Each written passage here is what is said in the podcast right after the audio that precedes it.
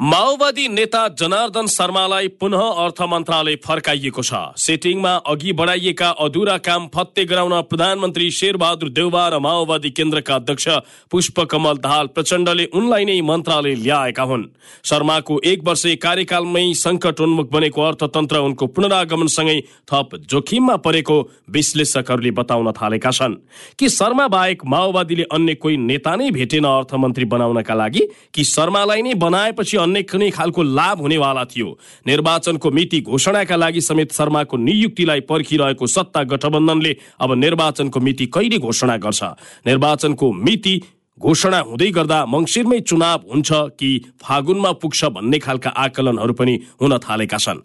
आज हामी मूलत दुईवटा विषय। पहिलो अर्थमन्त्रीमा जनार्दन शर्मालाई नै किन फर्कायो माओवादीले र दोस्रो चुनावको मिति घोषणामा किन आलटाल हुँदैछ? आज हामी यो विषयमा कुराकानी गर्दैछौ माओवादी केन्द्रका नेता तथा सांसद गजेन्द्र महतसँग। महतज्यू यहाँलाई स्वागत छ। नमस्कार धन्यवाद। सबैभन्दा पहिला यहाँहरूले अर्थमन्त्रीमा पुनः तपाईँहरूको नेता जनार्दन शर्मालाई अर्थ मन्त्रालयको जिम्मेवारीमा पठाउनु भयो अरू कोही नेता नभेटेर हो कि उहाँको कार्यक्षमता भयङ्कर भएर हो? कार्यक्षमता भयङ्कर भन्दा पनि अरू अरू नेताहरू खोज्नु भन्दा पनि उहाँको दोषै थिएन नि। किन बेकार निर्दोष मान्छेलाई फेरि उहाँलाई कारवाही स्वरूप जस्तो उहाँलाई अर्थ मन्त्रालय अर्थमन्त्रीबाट किन मतलब निष्कासन गर्ने? किन हटाउने? कि त दोषी देखिनु पर्यो। दोषी देखिनलाई अब त्यत्रो छानबिन समिति बन्यो।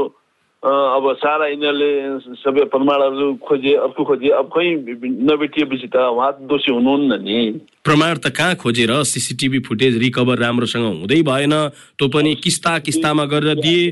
त्यो माथि उहाँको त्यो चाहिँ कल डिटेल हेर्नै दिइएन वा हेर्दै हेरिएन।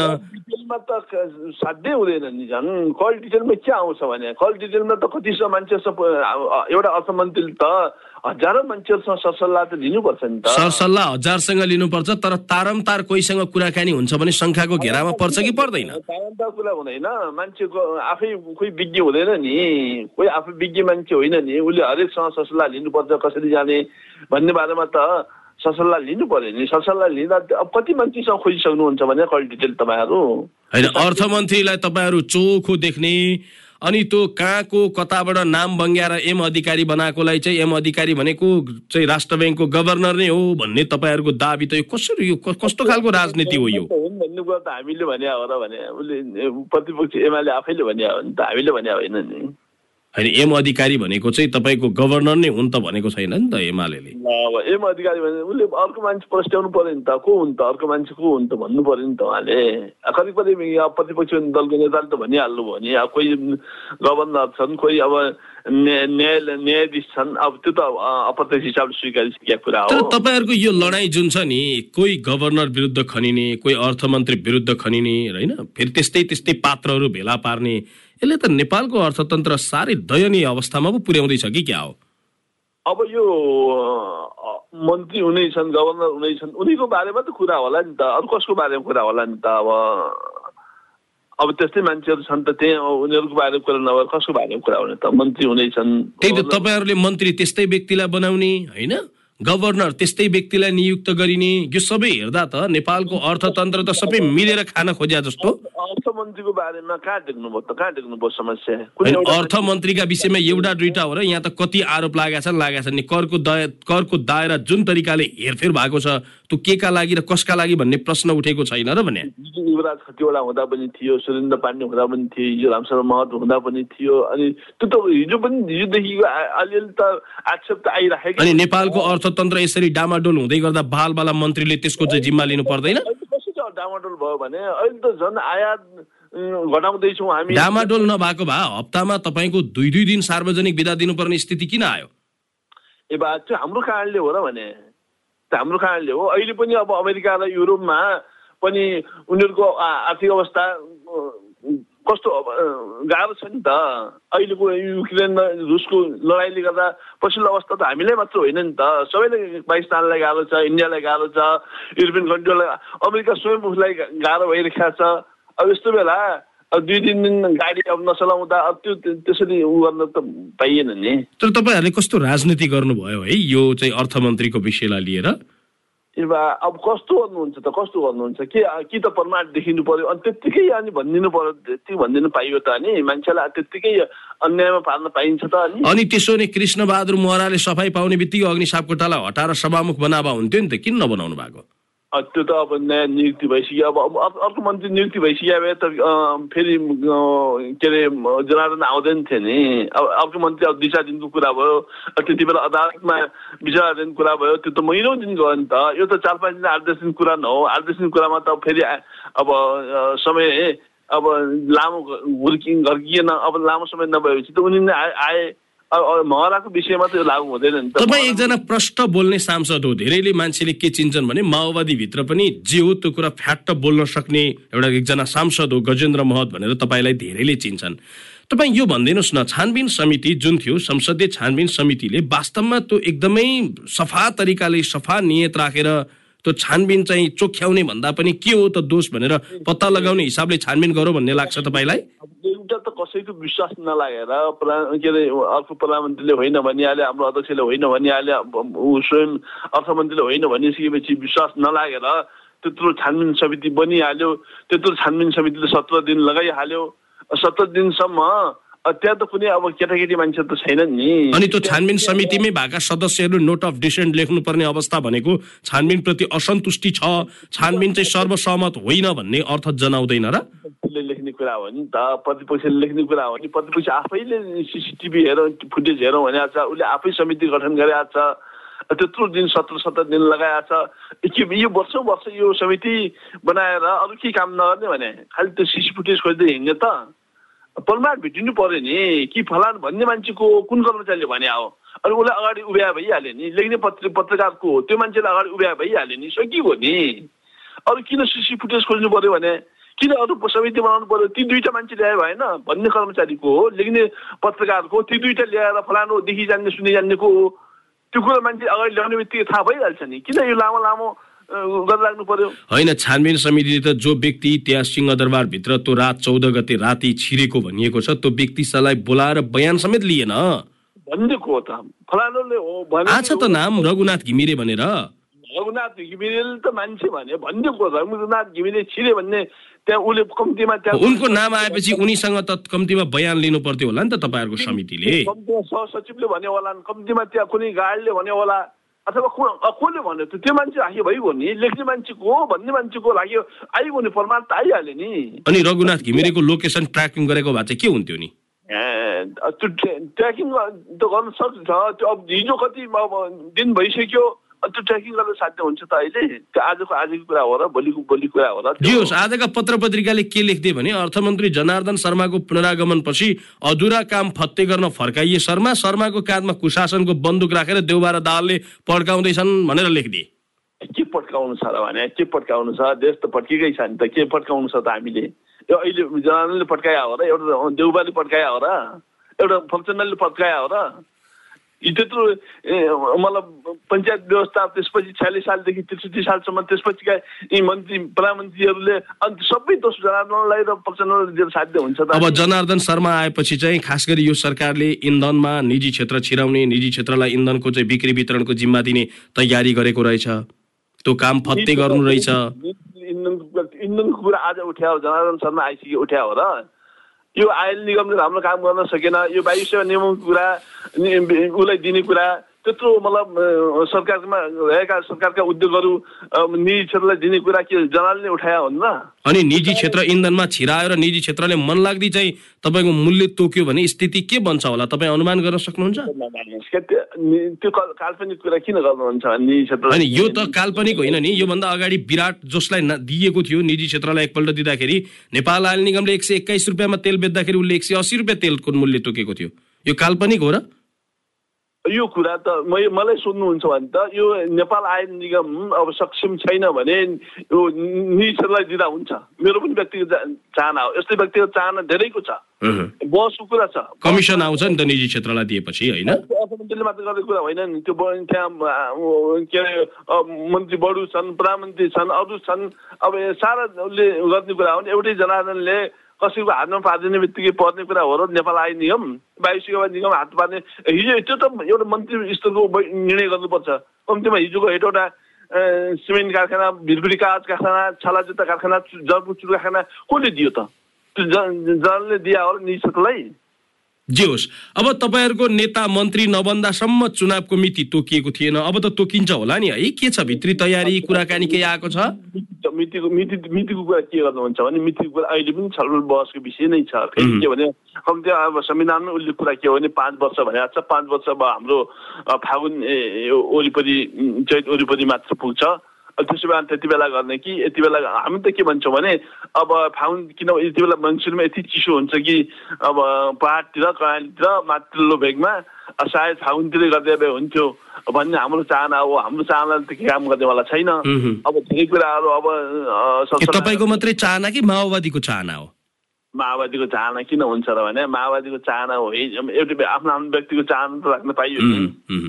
अब यो मङ्सिरमा भन् मङ्सिरमा चिनो चिसो हुने भावनामा अध्यक्षको चाहना त अब यही मङ्सिरमै हानिदिने भन्ने छ उहाँलाई त केही उ छैन तर अघिल्लो पटक दुई हजार चौहत्तर सालमा चुनाव हुँदा मङ्सिर बाइस गते चुनाव भएको थियो अब मङ्सिर बाइस गते भएर भएन यो हामीले त उनी शपथ त हामीले फागुन बिस गते खायौँ नि हाम्रो अवधि त पाँच वर्ष हुनलाई त फागुन बिस यस्तै यस्तै पुग्नै पर्छ अर्को पटक के हो के हो यो पटक सांसद हुँदा फागुनसम्म भयो नि लम्ब्याउ भन्न खोज्नु भएको लम्बिया कुरा होइन नि अब त हरेक कुरामा त्यति अब सानो ढङ्गले त्यो टिका टिप्पणी गर्न हुँदैन नि देशको परिस्थिति हेर्नुपर्छ अस्ति पनि स्थानीय तहको चुनावमा पनि कसैको पाँच छ महिना पुगेन अगाडि हानिदियो नि पाँच छ महिना पुगिसकेपछि हान्नु चुनाव त हानेन नि अब अहिले पनि चा- दुई चार महिना तलमाथि हुँदैमा त्यो हरेक कुरामा अलिकति एक पाइलो सार्ने बित्तिकै शङ्का एक पाइलो पछि सार्ने बित्तिकै शङ्का त्यस्तो गर्न थालेपछि त कसरी देश चल्ला भने अनि यहाँ त पाइला पाइलामा खेलो फड्को चल्छ नि त फेरि। काम छैन नि। मिडियाहरूको पनि काम छैन धेरै छन् मिडियाहरू। अब केही काम पाउँदैनन्। अब खालि त्यही त्यही बाहेक अब के छ त अनि खालि यो किन अगाडि सर्यो किन पछाडि सर्यो यही मात्रै हेर्ने त त उनीहरूको अब धेरै बेसी काम उनीहरू पनि बेरोजगारी छन् नि त। होइन मिति त मङ्सिरमै चुनाव गर्ने भन्ने योभन्दा अगाडिदेखि कुरा भयो भने चुनाव भएको मितिले पाँच वर्षमा चुनाव गर्ने भनेपछि मङ्सिरमा गर्नु पर्दैन र भने। यो कसरी काम नपाएको विषय भयो त? त्यो मङ्सिरमा गर्ने मङ्सिरमा त अब भनेकै छन् मङ्सिरमा गर्छु भनेर भनेकै छन् नि। अब हामीले गर्वको कुरा हामीले भन्नु खोया के भने अब चैतसम्म फागुनसम्म गर्दै अब हाम्रो अलि गर्मी आम सुरु हुन्थ्यो त्यति बेला हामी अब हाम्रो चाहनाको कुरा होइन नि त। अब सरकारले त्यही ढङ्गले मलाई गजेन्द्र महललाई माननीयज्यूलाई सोधिहाल्यो भनेर मलाई सोध्ने होइन क्या त उहाँले गर्ने हो हाम्रो तपाईँहरूको पार्टीभित्र एक ढङ्गको कुरा भयो होला अध्यक्षले एक ढङ्गको ब्रिफ गर्नु भयो होला। चाहना- प्रश्न के बुझ्नु होला हाम्रो पार्टी पनि तल हामी किन्ने सदस्य हो किन्ने सदस्यसम्म धेरै कुरा आउँदैन हामीले अड्कलका कुरा गर्ने हो। स्थायी समिति छ स्थायी समितिमा कुरा होला धेरै कुरा अध्यक्ष हुनुहुन्छ अध्यक्षले गर्नुहुन्छ केही छलफल कुरा स्थायी समितिमा हुन्छ। अब एउटा पदाधिकारी पनि बनाएको छैन त्यहाँ पनि समस्यै छ। यो भावनाले अब धेरै कुरा छलफल हुँदैन के? कमिटी बने नबनेको बेलामा एउटा फाइदा त्यही हुन्छ छलफल गर्नु पर्दैन। अब उहाँहरूले अब एक्लै निर्णय गर्न सक्नुहुन्छ। पार्टीलाई त भद्रगोल बनाए है तपाईँहरूको। अब हाम्रै भद्रगोल मात्र कहाँ छ र सबै भद्रगोलै छन्। अरूको कुरा नगरौँ न तपाईँहरूको हेर्नु त महाधिवेशन भएको चाहिँ यतिका समय भइसक्दा पनि अहिलेसम्म पदाधिकारी चयन छैन। पार्टीको सिस्टम कस्तो हुन्छ भने दुईटा हुन्छ। हुन त हामीले पदाधिकारी बनाएपछि पदाधिकारी त बनाउनै पर्छ हेर्नुहोस्। त्यसो भए भद्रगोलै त भएको छैन। केन्द्रीय कमिटी छ अब एउटा सचिवालय जस्तो पनि छ अब अध्यक्ष हुनुहुन्छ टिम त छ।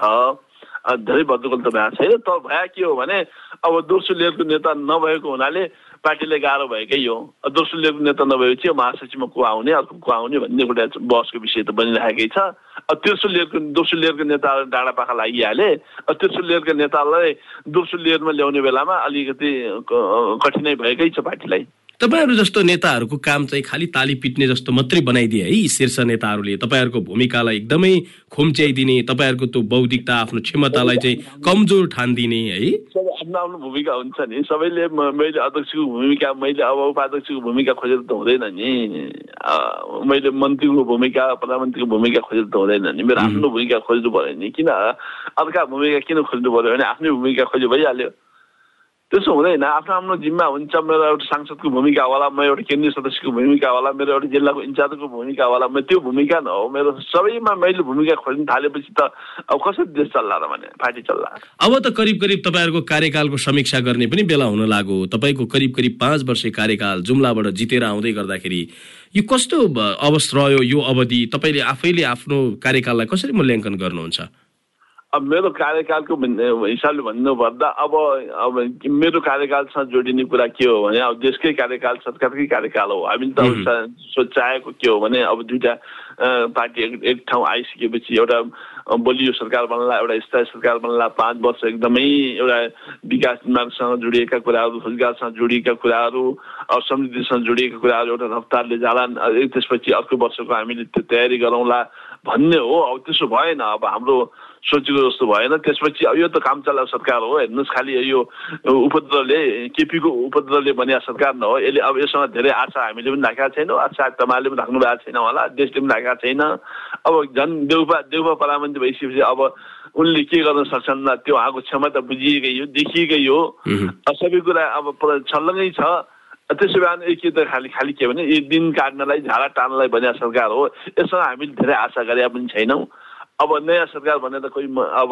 अलि गतिलो मान्छे आएपछि अब आशा गराउँला हेर्नुहोस् नत्र छैन। मैले पनि आशा त्यति मानेको छैन। तर नेपालमा जस्तो सरकार फेरिँदा मन्त्रीहरू फेरिँदा तिनका आसे पासे जति पनि मान्छेहरू आउँछन् नि तिनले त देशलाई बडो आफ्नो हातमा लिन खोज्ने दुनियाँदारी गर्न खोज्ने यस्ता त अनेकन घटना भइरहेको छ नि है यो जस्तो मन्त्रीहरू। त्यो त हो त्यो त हो त्यो त अब बिचौलियाको हातमा छ हेर्नुहोस् यो दलालहरूको हातमा छ त्यो अब उनीहरूको परिवारको वरिपरि परिवारको हाइदाइ छ हिजोदेखि राजदरबार चलाउँदा भाइ बहादुर चलाएको देश हो उनका आसेपासेले चलाएको देश हो हेर्नुहोस् त्यो त संस्कार छुटेकै छैन हेर्नुहोस् त।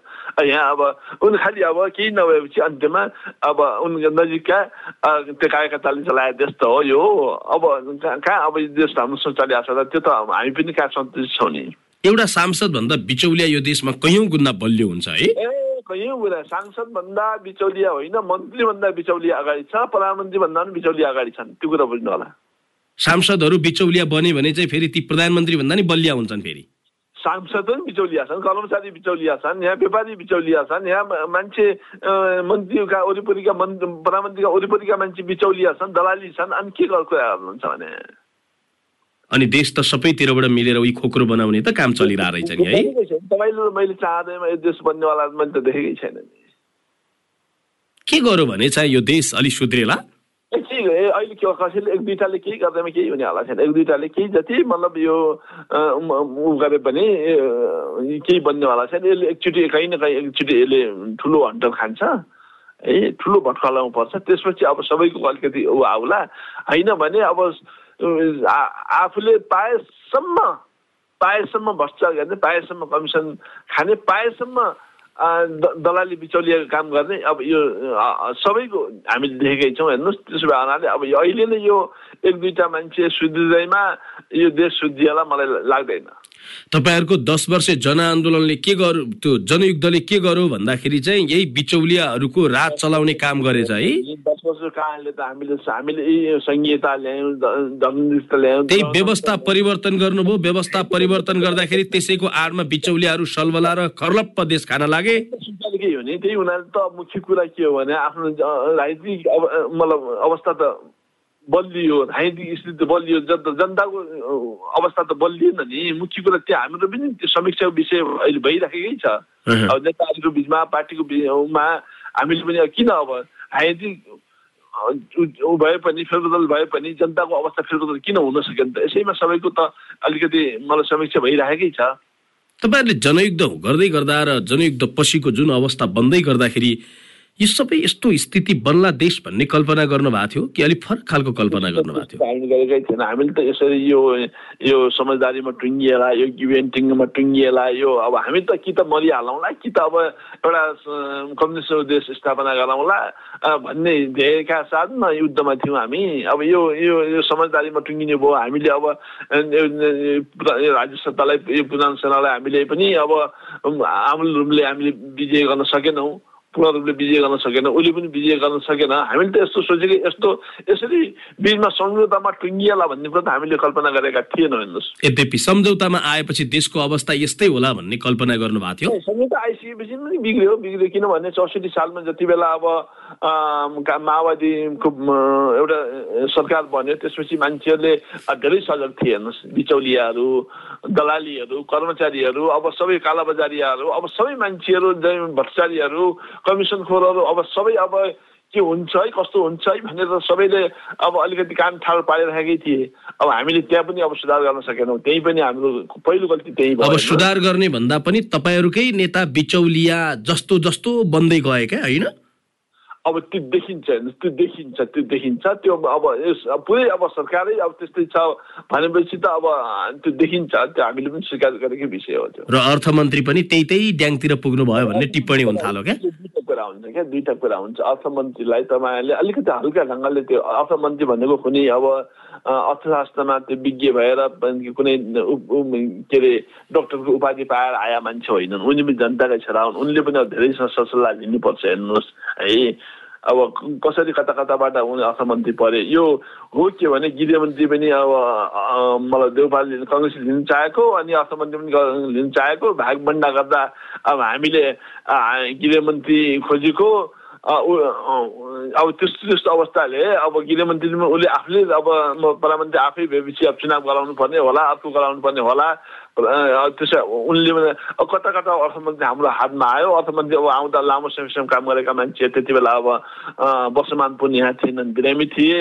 अनि यता जना जनार्दन पनि खासै अर्थ हामीले मैले पनि गरे के भने धेरै अर्थ विज्ञ होइनन् अर्थविद होइनन्। त्यही त सल्लाह त लिने भनेको नजानेको कुरामा सल्लाह त लिने तर बिचौलियाको सल्लाह लिँदाखेरि त समस्या हुँदो रहेछ नि त जुन अहिले देखियो। कुन बिचौलिया देख्नु मानव घिमिरै भएर ल कुन बिचौलिया कहाँको दलाली भएको कुन अवस्थामा कति दलाली तिनै बिचौलियाहरूको पछि लागेर यो करको व्यापक दर हेरफेर भयो भन्ने कुरो छ नि त। सुब्बा हुन् उनले उनको ल्याए भइहाल्यो नि उनको अकुत सम्पत्ति कति छ? सुब्बा हुँदा उनले कति कमाए? अहिले कहाँको बिचौलिया गरिरहेका छन् कसको दलाली गरिरहेका छन् र ल्याए भइगयो नि मिडियावाला ल्याए भइगयो नि अहिलेसम्म त्यो घिमिरेको खालि घिमिरे मात्रै किन भन्ने भने? मानु घिमिरे भयो अरे ल। प्रतिपक्षको आँखामा घिमिरे मात्र होइन अन्य व्यवसायीहरू जो चाहिँ जो बिचौलिया बिचमा व्यवसायीसँग चाहिँ उनीहरूको साँठगाँठ राम्रो छ तिनका भर परेर। सोध्नु त पर्यो नि दिमाग आफ्नो लगाउनु पर्यो निर्णय आफ्नो गर्नु पर्यो सोध्नु त बिचौलियालाई पनि सोध्नु पर्यो दलालीलाई पनि सोध्नु पर्यो व्यापारीलाई पनि सोध्नु पर्यो सबै कर्मचारीलाई पनि सोध्नु पर्यो दिमाग त आफ्नो लगाउनु पर्यो नि निर्णय त आफ्नो गर्नु पर्यो नि सोध्नु परेन। चोरलाई पनि सोध्नु पर्यो साधुलाई किन परेन चोरलाई सोध्ने? चोरलाई सोध्दै नसोध्दै भइहाल्यो नि जन्मालाई किन सोध्ने हरेक कुरा त मान्छेहरू सोध्नु त पर्यो नि मान्छेलाई सोधेर निर्णय आफ्नो गर्नु पर्यो नि मानु घिमिरे घिमिरे ल ए होइन। अब यो चाहिँ चोरलाई पनि सोध्ने अर्कोलाई नि सोध्ने सबैलाई सोध्ने तँलाई चोर्न कसरी सजिलो हुन्छ भनेर चाहिँ सोध्न मिल्दैन होला नि त फेरि। पाउनु पर्यो नि। चोरले कसरी चोर्छ बिचौलियाले कसरी बिचौलिया गर्छ दलालीले कसरी गर्छ? मानु घिमिरे त तपाईँ जति भन्यो भने घिमिरे मान्छे अहिलेसम्म कसैले कोही मिडियाले यो दलाली गरेर यति अकुत सम्पत्ति कमाएको छ। भनेर यो योमा दलाली गरेका छ भनेर आजसम्म कसैले ल्याउनु त सकेका छैन हेर्नुहोस् है। तर म पनि मन्त्री भएको भए मैले पनि सबैलाई सोध्थेँ हेर्नुहोस्। त्यो मतलब त्यो बजेट ल्याउनुभन्दा अगाडि मैले चोर डाँका फटा दलाली बिचौलिया सबैलाई सोधेर मैले बजेट ल्याउँथेँ। किनभने त्यो सबै कुरा थाहा हुन्थ्यो नि त। म त कुनै विज्ञ होइन।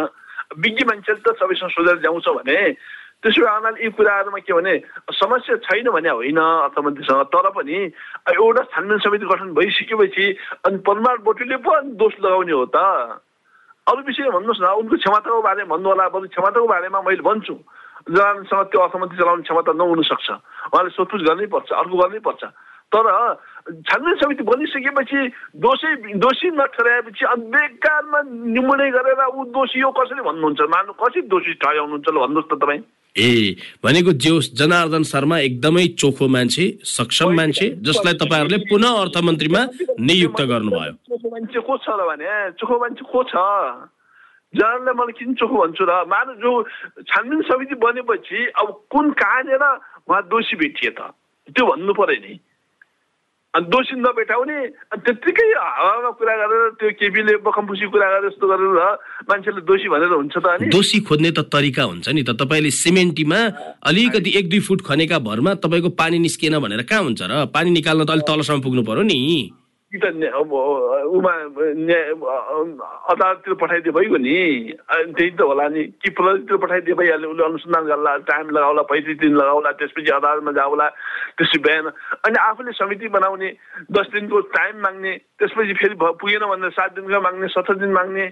अनि सत्र दिनबाट भेटिएन भने के अन्त त्यो त्यत्तिकै राख्ने कुरा त भएन नि। त्यत्तिकै परमार भेटियो परमार सजिलो छ क्या तपाईँले भन्नु त। अब जसरी भने पनि भयो। परमार सजिलो छ त्यो लेख्ने मान्छेको। त्यो भन्ने कर्मचारीको दुईवटा उभ्याए त भइगयो नि त्यो उभ्याए त तिनीहरूले समितिले उभ्यायो। डिटेल खोज्न थाल्यो हेर्नुहोस्। कल डिटेल खोज्न थाल्यो। कल डिटेल खोजेर भेटिने कुरा हो। त्यो पत्रकार त्यो भन्ने कुन हो? कर्मचारीको दुईजना राखे त भइगयो नि अनि त्यो त्यो खोज्नु परेन त्यो एमाले प्रतिपक्षले। खोज्ने ठाउँ नखोज्ने अनि उल्टो दिशातिर गएपछि मान्छे भेटिन्छ त। मानव जनार्दन नै हुन् गरे। मानव जनार्दन नै होला नि त्यो त पलमा भेटिएन नि। उनले पलमा खोज्ने बाटो खोज्नु पऱ्यो नि। पलमा खोज्ने बाटो नखोज्ने उल्टो उल्टो बाटो खोजेर कसरी भेटिन्छ परमा हो उल्टो बाटो गएकै कारणले गर्दाखेरि चाहिँ जनार्दन शर्मालाई चोखो देखाइयो भन्न खोजेको क्या? भए पनि भेटिएनन्। भए पनि भेटिएन म गर्वा कुरा म के जनार्दनको म पिएसओ होइन। म उनको पछाडि घुम्दैन म जाँदैन। है? अब म जनार्दन एकदम चोखो छन् म हाम्रो बालाई त म चोखो भन्दैन अब प्रचण्डलाई त चोखो छन् भन्दैन म जनार्दनलाई म के नुन पनि खाएको छैन उनको केही कारण त होइन? म किन जनार्दनलाई चोख्याउनु मलाई ऊ छ भने? सरोकारको विषय हो। तर खोज्नुलाई सही ठाउँ खोज्नु पऱ्यो नि उनीहरूले। अनि अनि त्यही अनुसारको आरोप लगाउनु पर्यो। सही ठाउँ नखोज्ने उल्टो दिशा खोज्ने। अनि खै नभेटाएपछि अनि अनावश्यक टिप्पणी गरेर दोषी हुन् भनेर हुन्छ त अरे प्रमाण चाहिएन। हस् यहाँलाई महत्त्वपूर्ण समय र संवादका लागि धेरै धेरै धन्यवाद। यहाँलाई पनि धन्यवाद।